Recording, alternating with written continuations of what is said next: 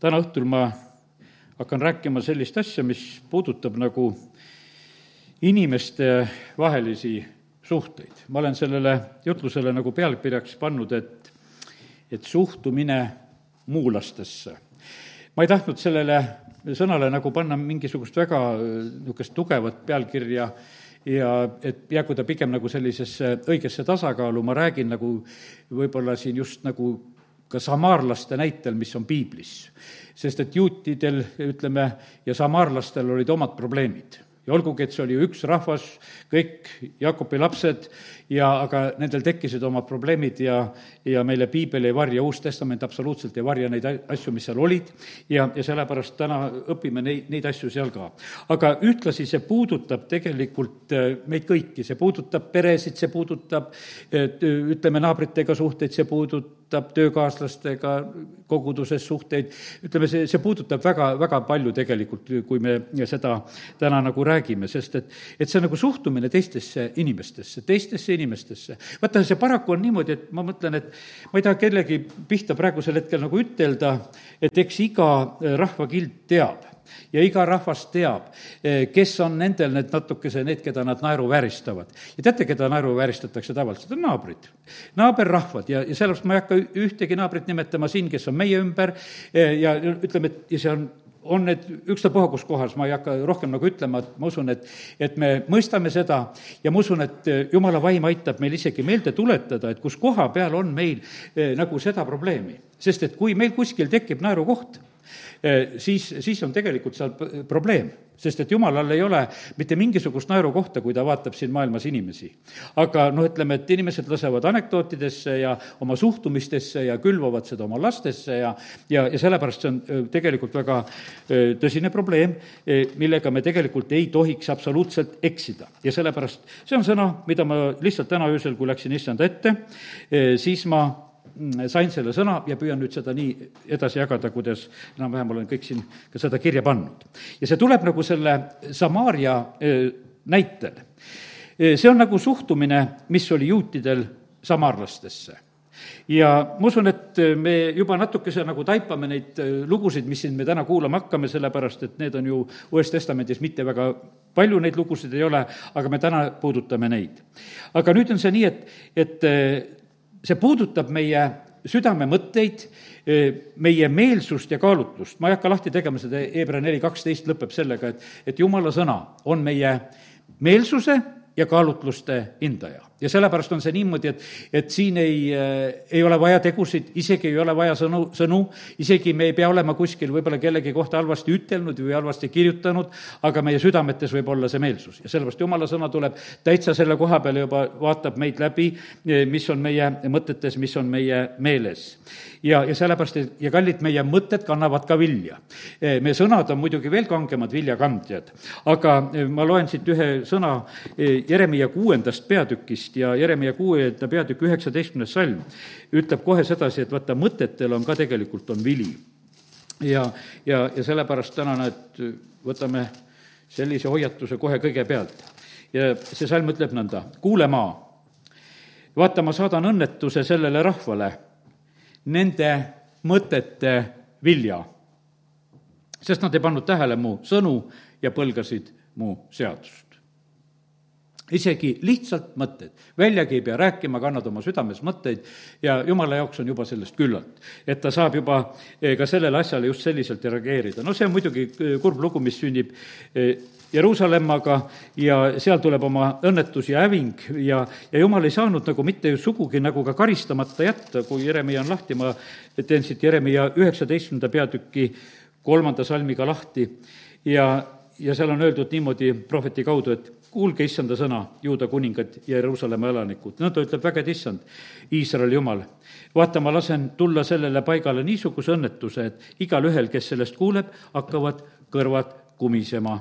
vaata, see on nagu üks uudis tuleb ja me me saame praegu samamoodi, ma ütlen lihtsalt, me kuuleme uudiseid, mis meid noh, mis meid häirivad. täna üks mees, kellega suhtlesin, ütles, ma ei taha üldse uudiseid kuulatagi sellepärast, et noh, et see puudutab teda just otseselt ka rahvuse poolest ja ta ütles, et ma ei taha mitte praegusel hetkel neid uudiseidki kuulata. sest vaata, sest et sõna ütleb sedasi, et vahest on uudised selles, et mis panevad me kõrvad, kõrvad kumisema ja selle sama peatüki veel viieteistkümnes salm ütleb niimoodi, nõnda ütleb vägede issand Iisraeli jumal vaata, ma toon sellele linnale ja kõigile ta linnadele õnnetuse, mille ma olen temale tõotanud, sest ta on teinud oma kaela kangeks, et mitte kuulda minu sõnu. ja sellepärast, kallid, need õnnetused ja asjad, mis tulevad, on niimoodi, et meie vahest mõtleme, et ikkagi, et teised inimesed ja asjad, jumal ütleb sedasi, et kael on kange minu ees. Ja mina murran teie kaelasid ja asju. Ja sellepärast lihtsalt meil on, kiitus Jumalale, meil on sõnast neid asju õppida aga nüüd tulen nagu selle samarlaste mõtte juurde.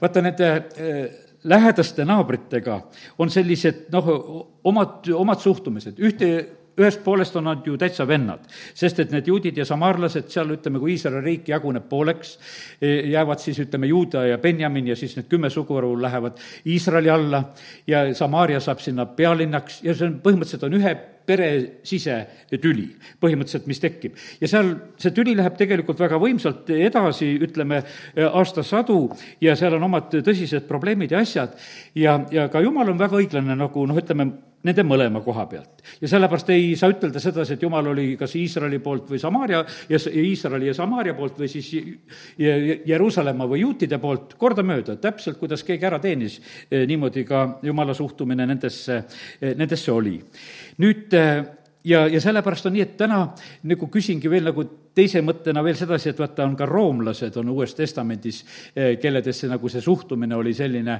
teistsugune. ja roomlased või siis samaarlased, juudid või paganad, ütleme, neid rahvagruppe leiab ja, ja põhimõtteliselt on niimoodi, et meie issand Jeesus tuli näitama suhtumist kõigisse neisse. Nii et eh, tema oskas suhelda kõigiga, nii samarlastega, roomlastega, oskas suhelda paganatega ja oskas suhelda juutidega, nii et eh, meil on issanda käest tegelikult õppida. aga see, mis seal Iisraelis toimus, ma ütlen, natuke tuletan seda meelde, see oli see lõhenemine, eks. ja põhimõtteliselt on niimoodi, et jumal seda ise lubas. Eh, et see riik läks kaheks, seal olid omad põhjused, see põhjus oli see, et Salomon oli teinud pattu ja oli hakanud ebajumalaid teenima ja siis oligi, jumal ütles, et ma võtan nüüd kuningriigi sinu käest ära. ma päris ära ei võta, Taaveti pärast jätan kaks suguharu, siis ütleme, nagu sellele sinu poolele järgi, juuda soole jätan järgi, aga kümme läheb minema. ja see oli, see oli jumala plaan, see lõhenemine põhimõtteliselt tuli, tuli nagu tema käest.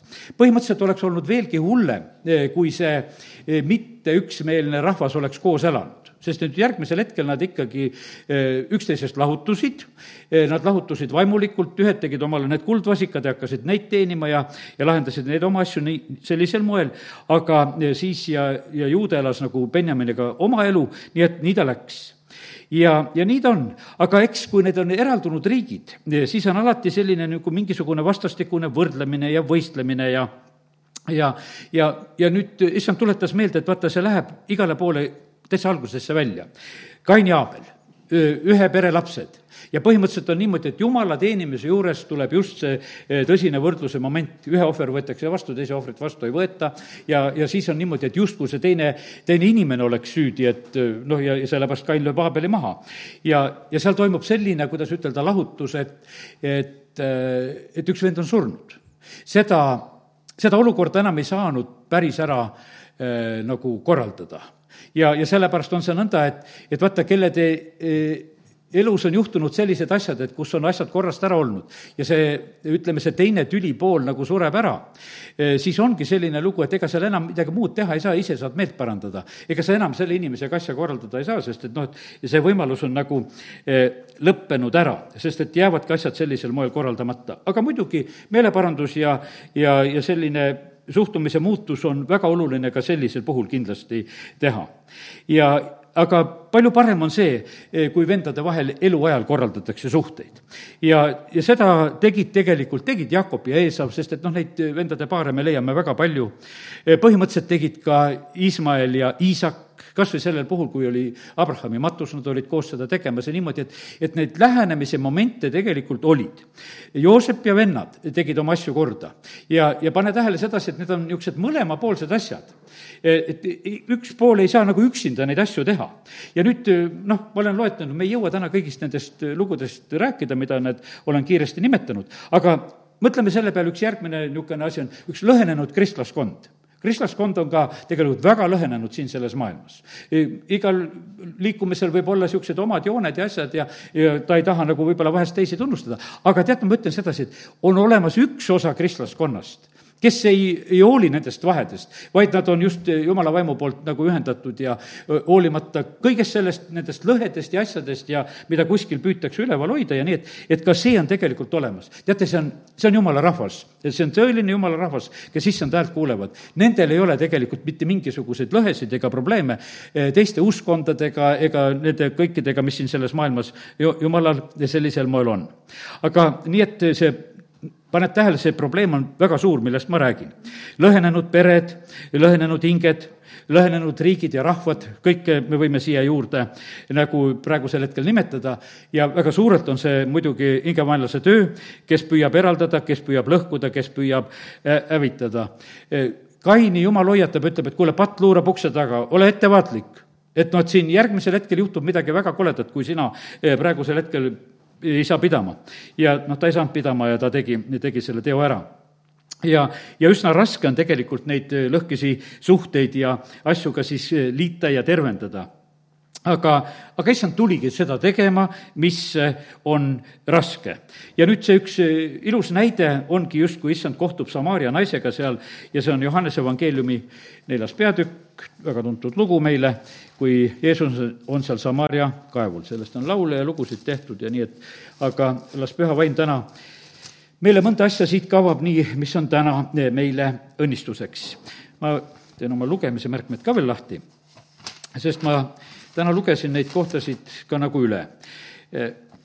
Johannese neli neli, ma loen siit mõned niisugused salmid, millele juhin tähelepanu. ta pidi aga minema läbi Samaaria. on see sõna siin öeldud sedasi, ta pidi minema läbi Samaaria. vaata, nüüd on õndsad inimesed need, kellel on piiblid kaasas ma ei saa siit hästi näidata seda, aga kui sul on piiblikaardid kaasas, kui sul on kaartidega piibel, siis vaata seda, et see Palestiina Jeesuse ajal, nii toredasti on kirjutatud siia, siin selles piiblis meil, aga just seda lehekülge vaatan. nüüd on niimoodi, et kui selle kaardi pealt vaatad sellel ajal ütleme, kui Jeesus on elamas siin maa peal, siis on nagu sellist neli jaotust, ütleme siin Iisraelis. on see, ühel pool on see, Jordanit on siis see Dekapolise ala, siis on Philippuse ala, ma nimetan nende teiste noh, ütleme valitsejate kaudu, siis on Herodes Antipase ala ja, ja siis on Pontius Pilatuse ala. siin on nagu neli ala, need eh, piirjooned on joonistatud erinevate värvidega ja sa saad täpselt näha. ja nüüd on niimoodi, et Jeesus tuleb eh, ühesõnaga ja ta on liikumas läbi, vaata sellepärast, et see, see Samaaria jääb nüüd Jeruusalemma ja Galilea vahele, Kapernauma ja selle vahele. Samaaria on lihtsalt, ütleme, selles eh, siis Pontius Pilatuse alal, ja ta on lihtsalt ülevalpool seal, aga Galilea on veel põhja pool on üleval. ja nüüd on niimoodi, et kui liiguti, siis tuli sealt minna. võiks ju minna sealt, ütleme, ringiga sealt, ütleme, eh, ütleme sealt teiselt poolt Galilea järve ja, ja nagu noh, ütleme, et oleks saanud nagu sealt Jeeriku kaudu kuidagi sisse hiilida kaarega, aga me näeme sedasi, et issand käis, käis ka otse ja ta, sõna ütlebki sedasi, et ta pidi minema aga läbi Samaaria. ja ta pidigi läbi Samaaria minema, sellepärast et seal oli üks naine, kellega oli vaja kohtuda, kellega oli vaja ka ja vaja ka rääkida. Nüüd on niimoodi, et, et nad kohtuvad seal kaevul ja, ja siin on, kui see jutt on, üheksas salm ütleb ja Samaaria naine ütles talle, kuidas sina, kes sa oled juut, küsid minult juur, juua siis Samaaria naiselt no see oli selline noh, et, et see oli nii seletamata selge asi, et no me ei tegele omavahel sellepärast ja, ja sina juudi mehena praegusel hetkel küsid minu käest juua. aga Jeesus just seda tegi, ta küsib juua ja küsib sellelt Samaaria naiselt just juua. ta on üksinda seal kaevul ja see naine tuli ka parasjagu eh, sinna. ja, ja nüüd on nüüd, eh, ütleme, eh, esimene selline noh, ütleme, naise reageering oli selline, et kuule, et me ei peaks ju tegelikult suhtlema. nüüd üks noh, ma ei hakka kõiki neid vestlusi võtma, aga kakskümmend kaks salm, kui Jeesus ütleb sellele Samaaria naisele niimoodi Te kummardate, mida te ei tea. meie kummardame, aga mida teame, sest pääste tuleb juutidelt. no jälle selline natukese ebameeldiv asi. Te olete niisugused kummardajad, et kummardate seda, mida te ei tea, mööda te panete ja, ja üldse pääste tuleb juutide käest ja parem anna juudi mehele juua ja ära, ära siin üldse kauple ega vaidle selle asja juures. põhimõtteliselt on nii, no siin on ennem kõik need eh, juba ta perelood ja asjad on nagu paljastatud, aga Jeesus ütleb väga eh, otseselt ja tugevalt, et pääste tuleb juutidelt ja sellepärast, kallid, nii see on, et, et see on meie jaoks ka praegusel hetkel nii, siin selles maailmas niikuinii tuleb pääste, tuleb juutidelt. praegu oleme, teate, millises ajas me oleme praegu? praegu me ei ole sellises ajas, kus ollakse, noh, ütleme niimoodi, eh, väga kristlaste ja juutide vastu siin selles maailmas. Sest on leitud üks teine, kellele kõik maailm vastu on. teate, see on meile nagu hingamisaeg. sest sellepärast, et niimoodi, et, et meiega nagu ei ole aega tegeleda, sest nad tegelevad ühega siin selles maailmas praegusel hetkel. aga teate, see aeg saab otsa ja ühel päeval püüd-, pöörab kurat kõik tegelikult äh, juutide vastu ja siis ka kristlaste vastu selle asja. ja sellepärast on see niimoodi, et ärme praegusel hetkel ka hellita väga midagi, et meil on väga hästi, et kuskil see teravik on kuskile mujale, mujale suudetud, suunatud. ja sellepärast on see niimoodi, tead, ja meie peame hoidma väga jumalale ligi. ja sellepärast väldi seda, et sa kuskil vales kooris üldse kaasa haugud praegusel hetkel. sellepärast, et ma ütlen, et kurat sind niikuinii Äh, armastama ei hakka, isegi kui sa tema laulu praegusel hetkel laulad, ma ütlen sulle täiesti kindlalt. kurat sind ei armasta, absoluutselt, jumal, jumal sind armastab. ja sellepärast on see niimoodi, et ka paljud kristlased, kes praegusel hetkel asjadest aru ei saa, äh, laulavad vahest kuradi laulu ja, ja mõtlevad, et, et nendel läheb maailmas siis hästi, tead, see kurat niikuinii vihkab, ei ta sind ei salli. mis oli juudel? Juudel oli niikuinii, tead, müüs Jeesuse maha, aga ega need ülempreestrid teda ei armastanud, ütles, et vaata ise, kuidas endaga saad. ja, ja, ja noh, ütleme, juudas viskas oma hõberahad sinna maha ja, ja ei olnud neid sõpru mitte kuskil ja sellepärast, kallid, meil ei ole suuremat sõpra kui meie isa taevas ja, ja tema poeg Jeesus Kristus ja, ja püha vaim. ja sellepärast ärme laseme ennast siin eksitada kõige sellega, mis siin selles maailmas on. ja nii, et nii ta on. nüüd on nii, et, et sellised teravad ütlemised on, siis on Jeesuse poolt selline asi, kuid tuleb tund ja see ongi juba käes, mil tõelised kummardajad kummardavad isa vaimus ja tões ja isa otsib neid, kes teda nõnda kummardavad jumal on vaim ja kes teda kummardavad, peavad teda vaimus ja tões kummardama. ja pane nüüd tähele ühte asja. Need tões ja vaimus kummardajad on vähe. Neid on vähe sest et kui neid on palju, siis ei ole vaja neid otsida. aga kui, kui neid on vähe, siis tuleb otsida. Eh, neid asjad, need asjad, mis on haruldased, neid otsitakse, neid on vähe ja neid peab lihtsalt otsima ja kui öeldakse, et jumal lausa otsib neid, et isa otsib neid taga, kes teda tões ja vaimus kummardavad. ja isa otsib neid, eh, kes on tõelises sellises vaimuühtsuses. ma ütlesin, et kristlasi on palju siin selles maailmas, aga sellist vaimuühtsuses olevat kristlaskonda on palju vähem.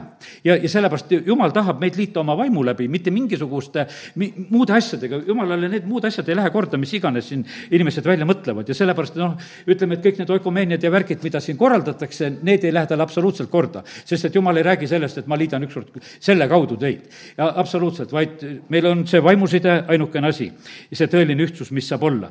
ja sellepärast ja, aga vaata, neid tõesolijaid on alati vähe ja, ja see on, siin selles maailmas niimoodi ongi, ma ütlen kohe, näed, see on hiljem tegelikult, see sõna tuleb veel, et, et vaata, kitsa tee peal olijaid on vähe neid on vähe. läbi aegade on tegelikult eh, vähe neid, kes on nagu õige koha peal, kui ma eh, täna neid eh, asju nagu kirja panin ja mõtlesin, eks, me mõtleme, et Jooso ja Kaalep on õige meelsusega, kui nad on tõotatud maapiiri peal.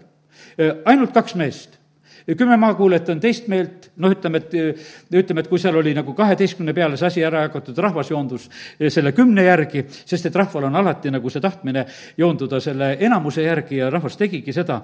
ja see on korduvalt ja korduvalt tegelikult ajaloos on niimoodi, et, et nagu see just juhtub niimoodi, et, et tõde on seal, kus, kus on, on, kus oleme vähemuses. ja teate, see pigistab vahest. See pigistab vahest, aga miks me oleme niimoodi? miks me oleme teistmoodi mõtlejad siin selles maailmas?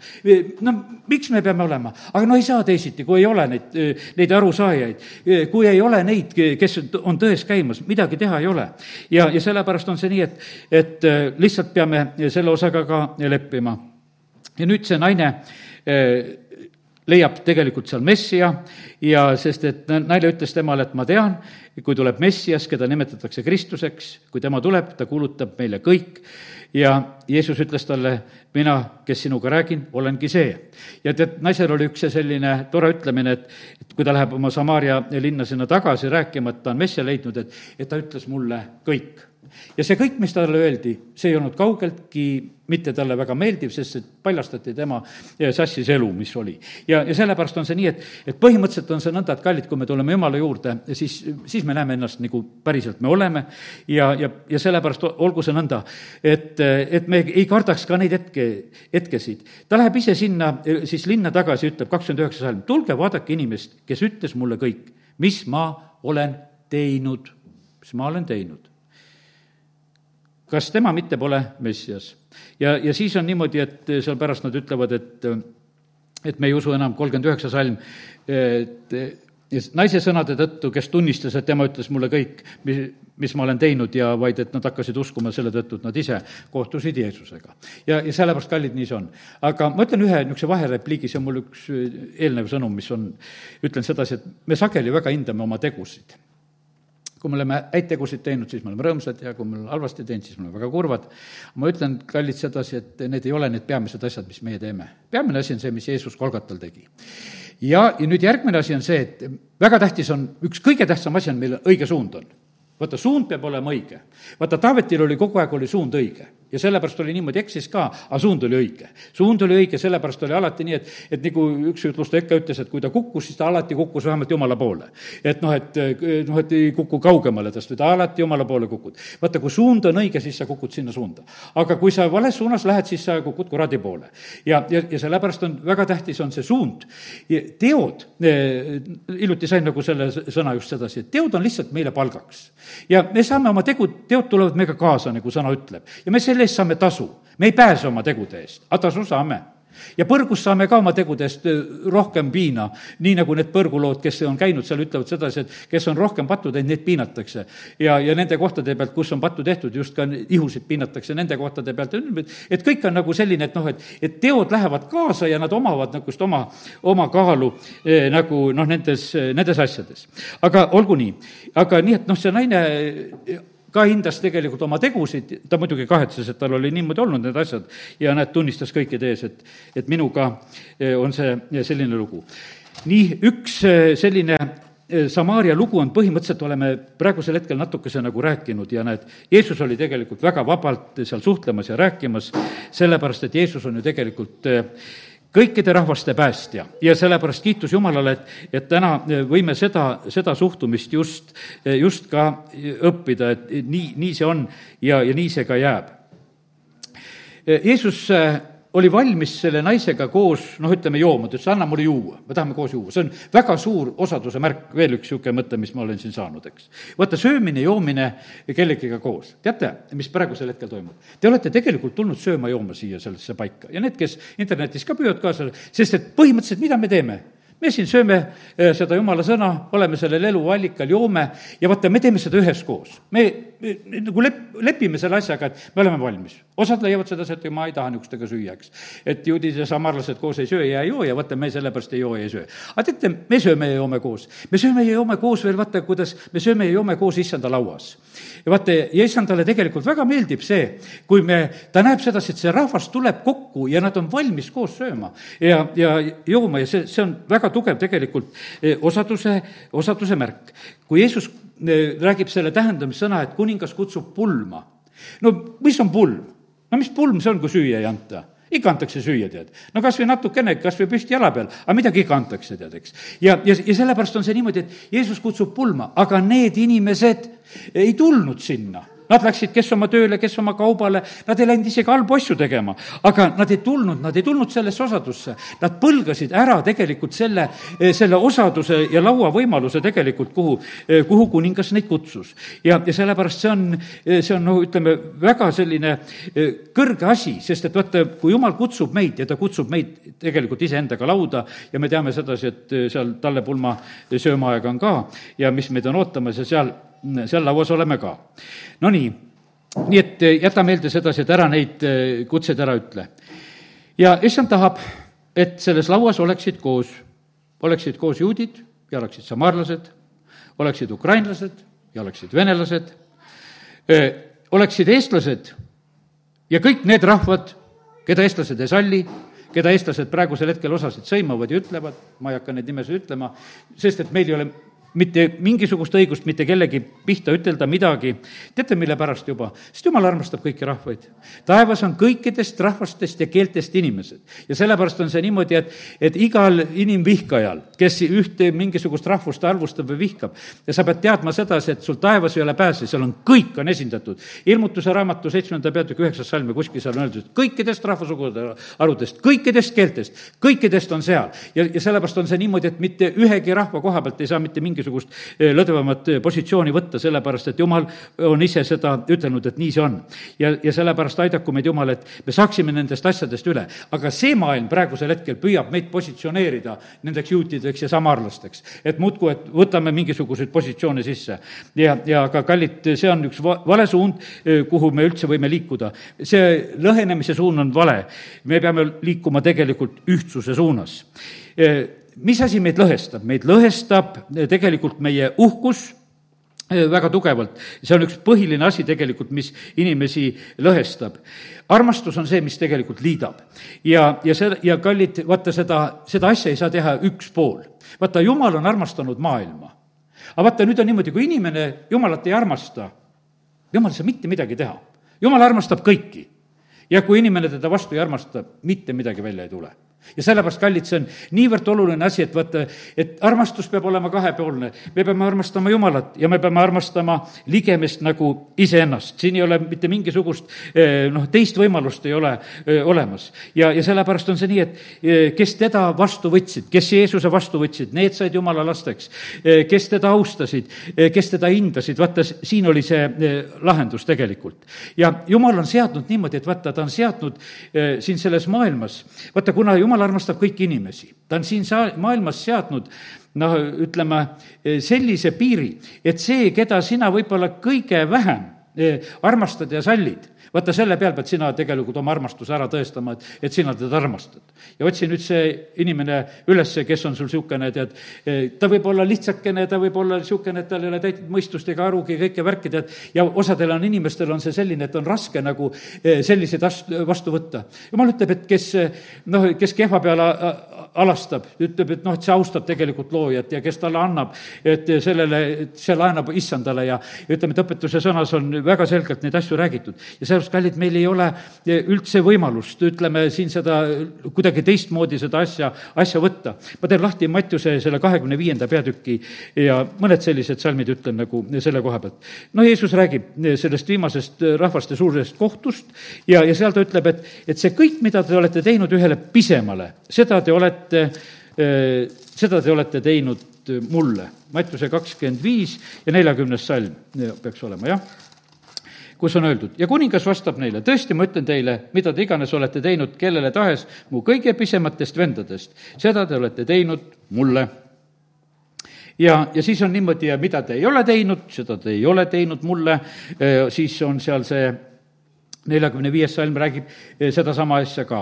ja, ja sellepärast, kallid, nii see on, et, et jumal paneb väga tähele sedasi, et eh, kes, eh, kes austab, ütleme, neid inimesi, kes on siin selles maailmas, neid austab tegelikult ka Jumal. ma teen õpetuse sõnadest ikkagi mõned kohad lahti, sest et pigem, pigem otsesemalt lugeda ja õpetuse sõnadest neliteist kolmkümmend üks olen ühe koha siin märkinud, neliteist kolmkümmend üks on siin öeldud kes rõhub viletsat, teotab tema loojat.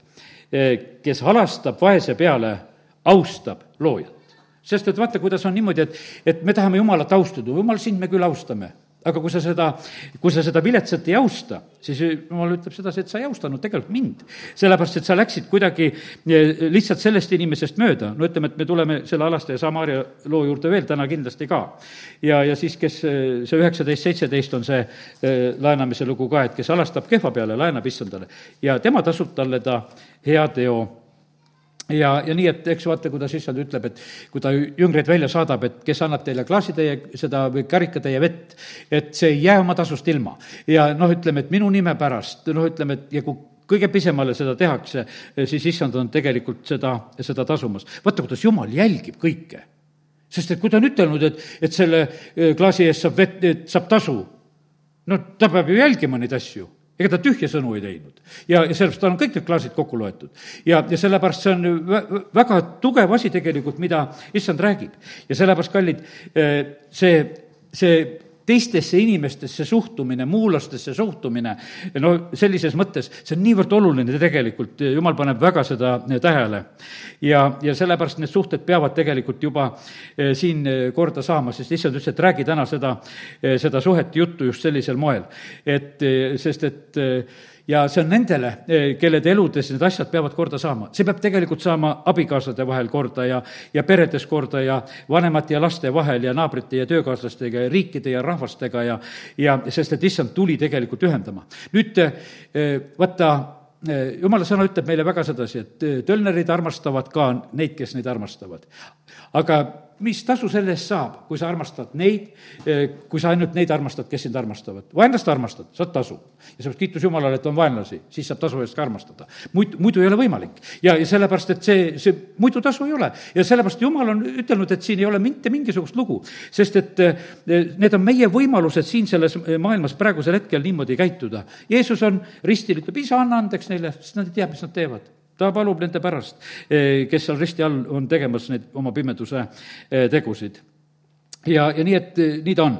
et väga, väga tõsine hoiatus, sellepärast et issand on valanud oma vere, ta on Jumala tall, kes andis oma elu kogu maailma patu eest kogu kosmose patu eest, kogu inimkonna patu eest.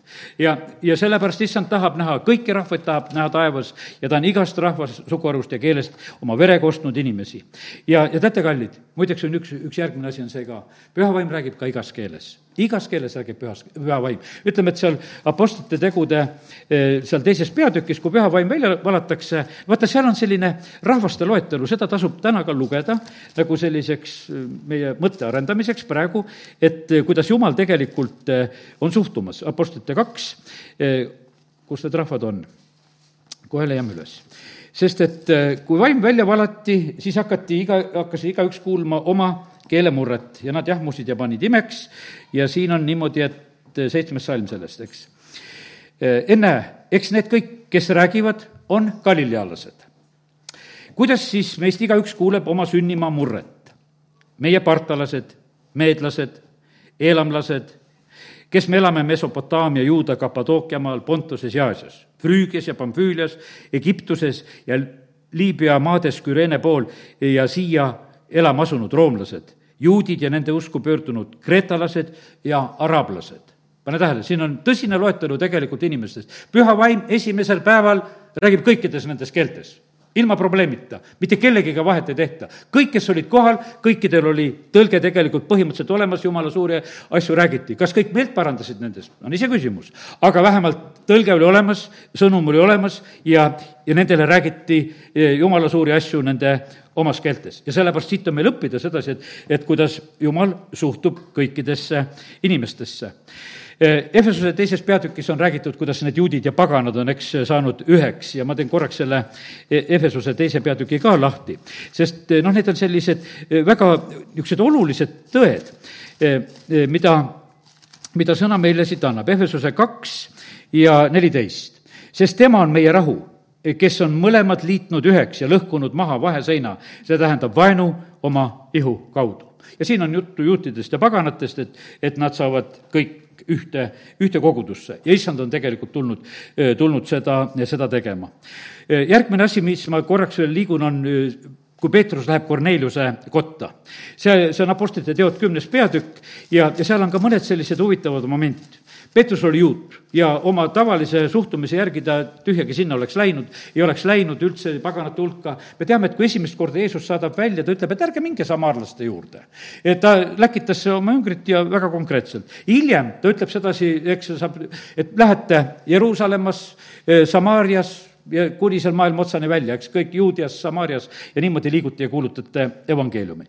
aga nüüd see Korneliuse koja lugu Peetrus noh, on, saab ühesõnaga nägemuse ajal tegelikult selle kutse, see on kümme kakskümmend, tõuse nüüd kohe ja astu alla ja mine nendega koos ilma kõhklemata, sest ma ise olen sind läkitanud sinna, eks ja ta läheb siis kaasa nende meestega, kes tulid ta ukse taha ja, ja kutsusid seal. Kornelius samamoodi, kui tema on palvetamas, siis temal on samamoodi see selge nägemus, ingel tuleb tema juurde, kümme-viis on öeldud, ja nüüd saada mehi Joppesse ja lase kutsuda Siimon, kelle hüüdnimi on Peetrus. vaata, teema on nii raske, et eh, neid paganaid ja, ja juute kokku viia, et taevas peab sekkuma, ingel tuleb ja räägib ja, ja, ja Peetrusel on nägemus ja siis räägitakse ja nüüd on mehed ukse taga ja lähed nendega kaasa. ja teate, kui Peetrus astub uksest sisse, eh, kümme kolmkümmend neli, siis on väga selge jutt, mis tuleb Peetruse suust, mida ta kõigepealt sai asjast aru.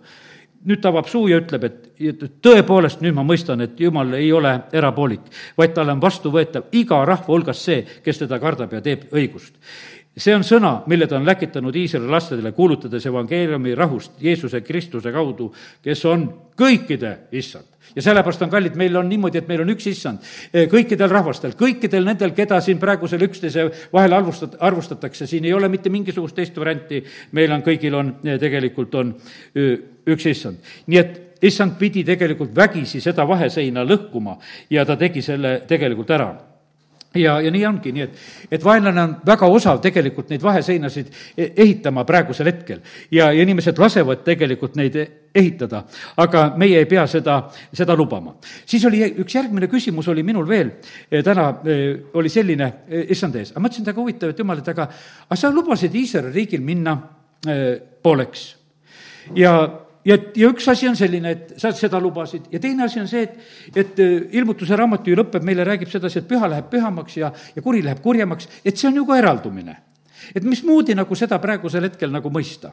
et nojah, ja ma sain tegelikult issanda käest väga ilusaid vastuseid ka selle asja koha pealt. ja isegi vaata see Iisraeli riigi nagu selline lagunemine on pilt praegusest hetkest, kus need äh, pühad ja patused nagu eralduvad nagu omaette, need kaks riiki nagu tekkis, Iisrael ja Juuda, ma võtan praegu nagu selle pildi. ma teen lahti teise ajaraamatu üheteistkümnenda peatüki, teises ajaraamatus on nagu väga otseselt on viidatud eh, sellele lagunemise hetkele ja mis seal tegelikult toimus. ja vaata, seal toimus üks selline huvitav asi. Eh, sest et riik oli kaheks, kõiki asju hakati nagu kahte moodi ava, ajama ja, ja nüüd on siin üheteistkümnes peatükk räägib siin nagu rehapeami tegemistest see on siis juuda poole tegemised, üksteist sajand ta tegi linnused tugevas, paigutas neisse vürstid ning toidu ja õli ja veinivarud, jagas igasse linna kilpe ja piike ja tegi need väga tugevaks, juuda ja Benjamin jäid temale. ja nüüd on öeldud sedasi, ja preestrid ja leviidid, kes olid kogu Iisraelis, tulid tema juurde kõigist oma paigust. vaata, preestrid tulid ka sealt eh, nendest kümne suguvõra hulgast. Need tulid, sest et põhimõtteliselt oli niimoodi, see Jerobeam viskas nad minema. leviidid jätsid maha oma karjamaad ja oma omandi ja läksid Juudasse ja Jeruusalemma, kuna Jerobeam ja ta pojad olid nad issanda preestriametist ära ajanud. tema oli ju enesele preestrit seadnud ohvriküngaste, kurjade vaimude ja vasikate jaoks, mis ta oli teinud. noh, ta võttis ükstapuha, keda pani sinna preestriteks, aga need päris leviidid ja preestrid ajas minema. ja pane nüüd tähele veel, mis siin on öeldud. ja nende järel tulid Jeruusalemma kõigist Iisraeli suguharudest need, kes olid südamega andunud otsima issandat, Iisraeli jumalat, ohverdama issandale oma vanemate jumalale. ja sellepärast, kallid, praegu toimub täpselt seesama osad on need, kes otsivad südamega. ja vaata, need on see üks jumala rahvas, kes koondub. ja osad on seal nende kümne suguharu hulgas ja suva, mis siin selles maailmas toimub. laulavad maailma laule, et kummardavad neid vasikaid, pannakse preestriks keda tahes, ise oma peaga tehakse kõiki neid asju. aga vaata, see väiksem osa, juuda oli ju ainult, oli, seal oli kaks suguharu, see oli see väiksem osa. ja ma ütlen, täna peab sul kaduma see mõtteviis ära, kes sa arvad sedasi, et sa ei taha selle vähemuse hulgas olla, aga paremat kohta tegelikult ei ole, kui selle vähemuse hulgas olla. ja sellepärast, et kitsas vei-, tee viib taevasse. vähe on neid, kes selle valivad ja sest issand on meile seda ette hoiatanud ja meil ei tasu, me, me ootame jah, siin Eestimaal ka suurt ärkamist. aga kas saab, ütleme, et kas Eestimaal, kui kui Eestimaal ka kõik, terve see, ütleme, see üks koma kolm miljonit, mida nad umbes rehkendavad, saaks päästetud, kas see oleks maailma mõttes seitsme miljardi hulgas ülisuur ärkamine või? kas me oleksime taevas enamus või? ei ole.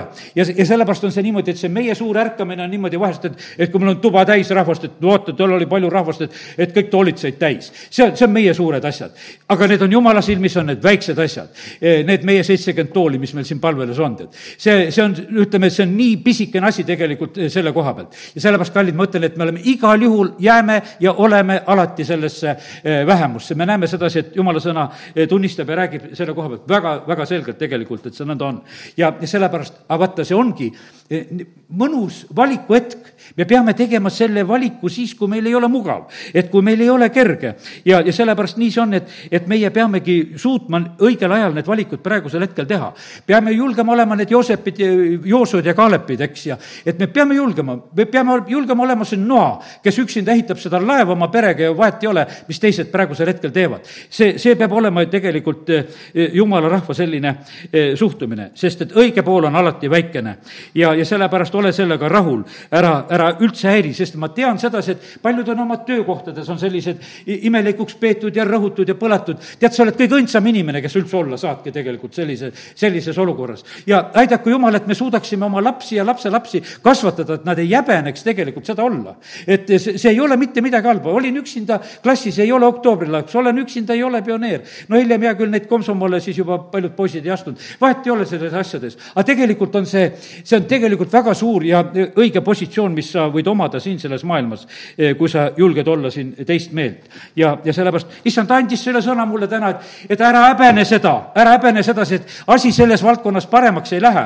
Eh, kui lähed täna koju ja teed teleka lahti või vaatad internetis uudiseid, seal ei ole sinu meelt uudiseid täna pandud, et kõik hakkasid sinu moodi mõtlema, absoluutselt nii ei ole. Nad ei tee jumala sõna järgi, nad ei arvesta sellega, nad ei austa seda, nad räägivad teistpidi asju, kõike värke sinna kokku. ja, ja, ja mis siis, et isegi kui jumala mehed seda kõike räägivad, e, sellest ei ole mitte kui mitte mingisugust lugu. ja sellepärast ära ole absoluutselt häiritud nendest asjadest. ja, ja sellepärast on see nii. loe ilmutuse raamatu kirjasid, issand ütles mulle täna veel sedasi, et loe neid ka. ütles, et seal on niimoodi, et igast kogudusest on öeldud, et võitjad saavad kohale. meie kogudusest saavad ka võitjad kohale. Võru baptisti kogudusest ei saa kohale kõik, võitjad saavad ainult kohale ära hellita sellest lootust, et sa kunagi siia nimekirja said. sa pead võidule jõudma, see ei ole mitte mingisugune asi. vahest mõnega tundub sedasi, et sai nimekirja rahu maa peal, tead, et nüüd, et mul on nagu midagi tehtud. see nimekiri, seda me taevasse ei vii. see on, see on meil siin omavahel riigi ees siin ütleme, et meil on liikmeid ja, ja, ja teeme see, neid asju, mida me siin peame tegema. jumalal on oma äh, majapidamine ja asi ja sellepärast ma ütlen, et ärme petame, võitjad pääsevad. seal on niimoodi, et seal on öeldud, et mul on mõned, kes on oma riided puhtaks hoidnud, eks. Mul on ainult, paljudel on armastus ära jahtunud, ütleb, et see on halvasti läinud. paljud ei saa aru sedasi, et issandat ei olegi koguduses, et on ukse taga, koputab, et ma tahaks ka sisse tulla. aga koguduse elu ju muudkui käib sest et ega kas Laudekias elu ei käinud, väga uhkelt käis, sellepärast et noh, et kõigega saadi hakkama, meil on kõike küll ja kõike teeme ja, ja kõik on hästi. aga kallid, need asjad ei ole absoluutselt, tegelikult ei ole eh, naljaasjad. ja, ja sellepärast on nii tähtis, et me ei oleks praegusel hetkel mitte eh, sugugi nagu petetud. ja sellepärast, et need, kes on eh, vaimulikult elus Need näevad ja kuulevad, need kuulevad praegusel hetkel ka issand häält. ja sellepärast ära karda, sa väike kari. ja kes sa kuuled tegelikult issand häält, sa ei pea siin selles maailmas enamuse järgi minema. sest et meie oleme oma issandat järgimas ja issanda järgijad, lambad, kuulevad tema häält. ja on juhitud ja on hoitud ja on toidetud ja on joodetud tegelikult oma issanda käest. ja see tuleb, kõik tuleb väga hästi ja, ja kui sa kuuled ta häält täna, siis ära tee oma südant mitte sugugi kõvaks, sellepärast et sa pead tegema valikud. kuldvasika juures tehti valik. teate, kes ei kummardanud kuldvasikat? leviidid. Mooses tuli, ütles, et kes on jumala poolt, tulge siia ja lähete praegusel hetkel tegema seda, mida ma ütlen. ja läksid tegema sedasi. Jooso Kaalep olid need, kes tegid, nagu oleme täna nimetanud. see on, ütleme, et riigi lõhenemisel nägite sedasi, leviidid tulid ja need, kelle süda sundis, kes otsisid issandat, need tulid. ja tead, teised ei tulegi ja me ei saagi neid oodata, sest et nad ei tulegi, nende süda ei sunni. ja sellepärast, teate, Ahapi ajal Eelia, pluss need sada prohvetit, kes olid järgi jäänud, pluss need seitse tuhat, kelle põlv ei nõtkunud, kõik said oma teha. Nõukogude Liidu ajal saime teha oma valikud, Euroopa Liidu ajal teeme oma valikud, igal ajal teeme. teeme sõja ajal valikud ja teeme rahu ajal valikud. E, teeme haiguses ja teeme tervises oma valikud. teeme rikkuses ja teeme oma vaesuses. kallid, see abielu tõotus, mis on tegelikult nii ilus, et, et me tõotatakse armastust rikkuses ja vaesuses, heal ja kurjal päeval, alati olla. tead, osad on niimoodi, et noh, minu laulatused, osad on praakinud välja, et Toivo, sa ei tohi niisuguseid hulle sõnu rääkida, et me pole kunagi haiged ja meil pole kunagi kurja päeva. ja olen mõnele ära jätnud selle ma ei tea, kui õnnistatud need abielud on. pigem ole õnnistatud igal päeval, heal ja kurjal päeval ja ära, ära väldi, väldi neid asju, sellepärast et siin selles maailmas saab osaks meile eh, tegelikult eh, kõike. ja, ja sellepärast ju vaata, ja kui see armastus on niimoodi rajatud, et mitte miski seda tegelikult ei võta eh, su käest ära siis sa põhimõtteliselt jääd ju eh, ainult, ainult püsima ja sellepärast eh, kiitus Jumalale, et, et nii ta on. nii et igal ajal saab teha neid valikuid, aga mul on need samaarlased veel rääkimata, natukese räägime nendest samaarlastest ka. sest et need, need näited peab ka veel mõned ära tooma nüüd äh, Jeesus Mattiuse kümme viis ütleb sedasi, et kõigepealt, kui ta läkitab välja, et ärge minge sinna samarlaste linna. no nii, see on see hetk. hiljem me teame, et kui on äh, lood, siis ta räägib äh, seal, ütleb sedasi enne taevaminekut, et minge siis kuulutage kõikjal, eks. aga nüüd on, üks hetk on Luka üheksanda peatüki viiekümne teises salmis. seal on niimoodi, et kui nad on jälle liikumas läbi sealt Samaariast, siis ei võeta neid seal öömajale, ma teen lahti eh, Luuka üheksanda peatüki ka veel korraks. ja, ja vaata, see on jälle niisugune kaardilugu natukese kui ma täna neid asju niimoodi lugesin, siis eh, mõtlesin, et küll on hea, et on ka kaardid, eks. ja eh, viiskümmend üks salm ütleb sedasi, ja ka see sündis, et, et Jeesuse ülesvõtmispäevad olid lähenemas ja ta hakkas minema Jeruusalemma poole. vaata, siin on, väga tähtis on see suund, kuhu ta liigub. ah soo sina lähed Jeruusalemma. sellepärast sulle ju ma ei anna. sinule lennukelutsoon, sellepärast et siit ei tohi ja siukstel ei saa, kaduge minema siit, eks. no Jeesus läkitab käskjalad ja neid ei, noh, ei võeta öömajale. külarahvas ei võtnud teda vastu, sest nad olid minemas Jeruusalemma poole vaata, kuidas oli, lihtsalt oli see, oleksid nad seljaga Jeruusalemma poole olnud.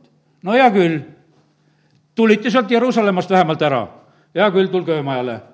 aga et teil nägu on sinnapoole, vot ei saa. külarahvas ei võta vastu. seda nähes hakkasid jüngrid, Jakobus ja Johannes, ütlesid, issand, kas sa tahad, et me käsime tulel taevast alla tulla ja nad ära hävitada? aga tema pöördus ümber ja sõitles neid ja nad läksid teise külla. kallim, ma ütlen sedasi, et meie asi ei ole tuld ja tõrva teistele kaela paluda. absoluutselt seda ei ole meie, meie asi paluda. teate eh,, Rooma kirjas on öeldud, Rooma kolmteist, et kuninga käes on mõõk ja see ei ole seal asjata. sa ei ole ühtegi riiki valitsemas ja sellepärast meie ei saa ärbelda.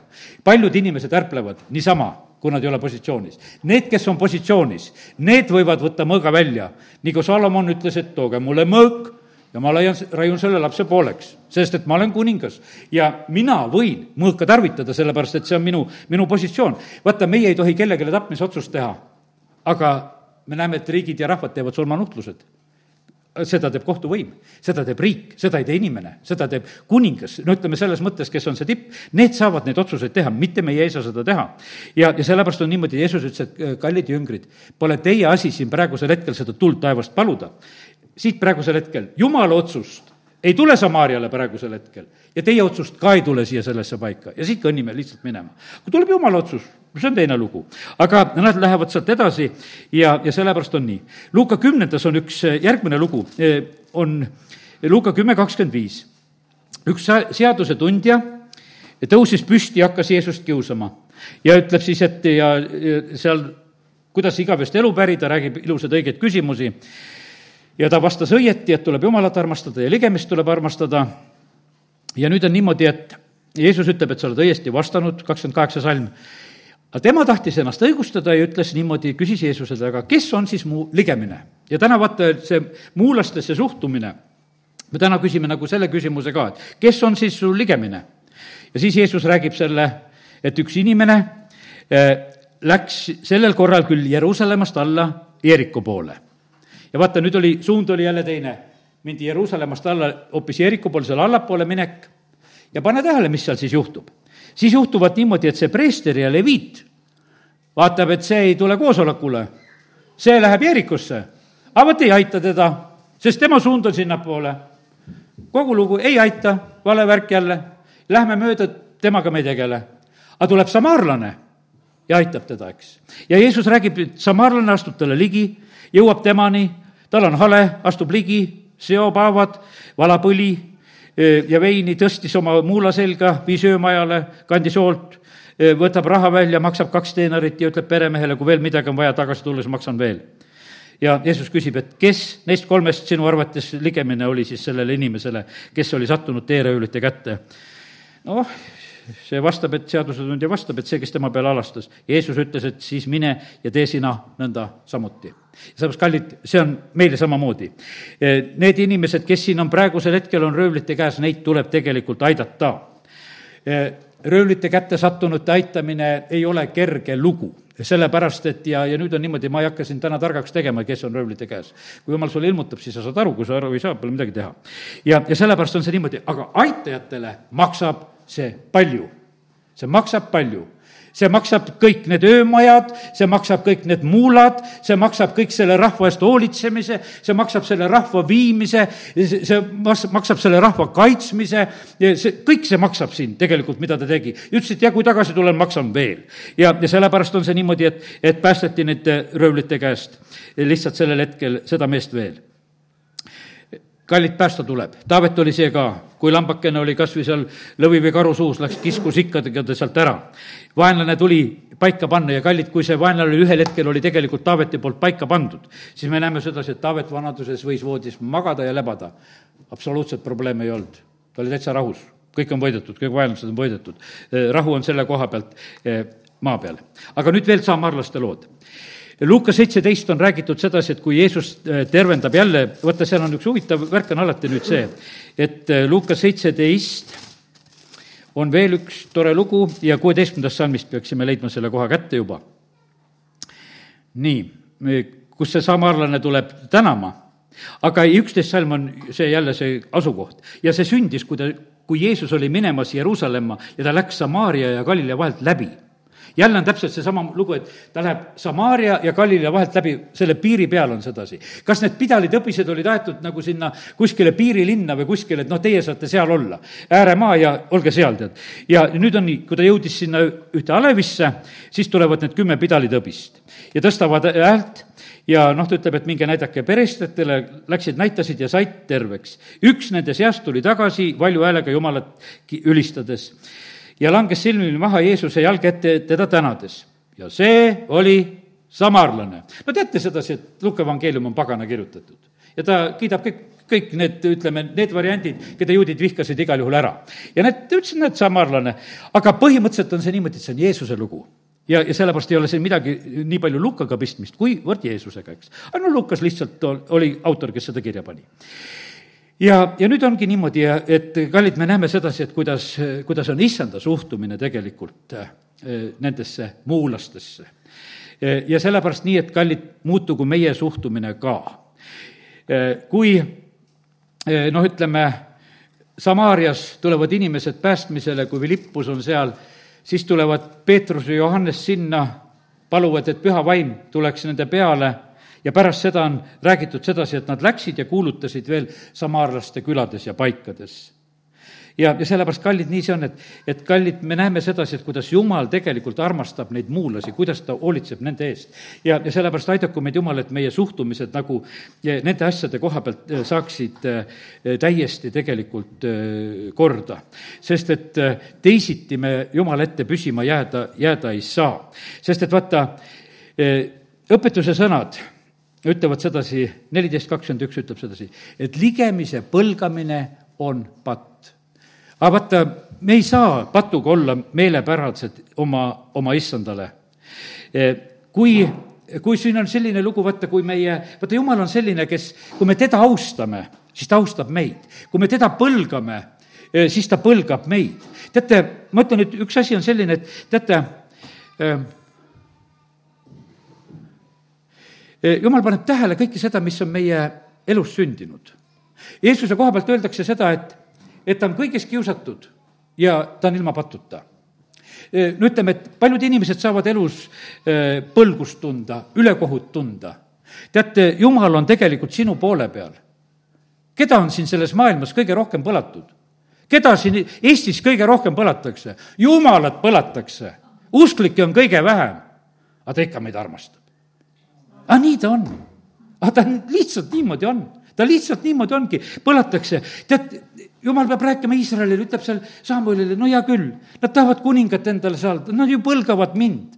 Nad ju põlgavad mind.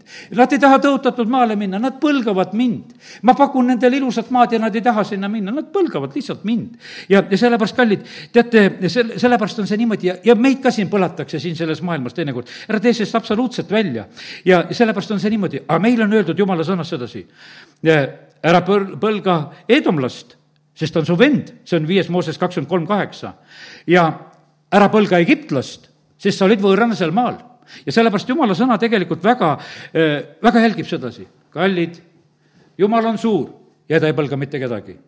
ole jumala moodi, amin. tõuseme ja oleme palves halleluuja, isa, me täname sind, et äh, sa oled täna meid püüdnud õpetada selle koha pealt et meie südamemeelsus ja kaalutlus oleks õige, isa, me palume lihtsalt seda armu. isa, ma palun praegusel hetkel, et kui püha vaim annab märku, et kus meil on keegi naeruväärne, naaber või töökaaslane või koolikaaslane või, või kogudusekaaslane või, või pereliige või, või suguvõsast keegi või, või mõni riik või rahvas, siis jumal, lihtsalt palume, et anna lihtsalt andeks anna andeks. jumal, meil ei ole mitte mingit õigust kedagi põlata, sest Jeesus, sina oled kõikide eest oma kalli vere valanud. sa armastad kõiki, sa armastad kõiki rahvaid ja me täname sind, Jumal, et me tohime täna paluda sedasi, et, et, et me tuleksime oma õige koha peale andestuse ja armastusega, amin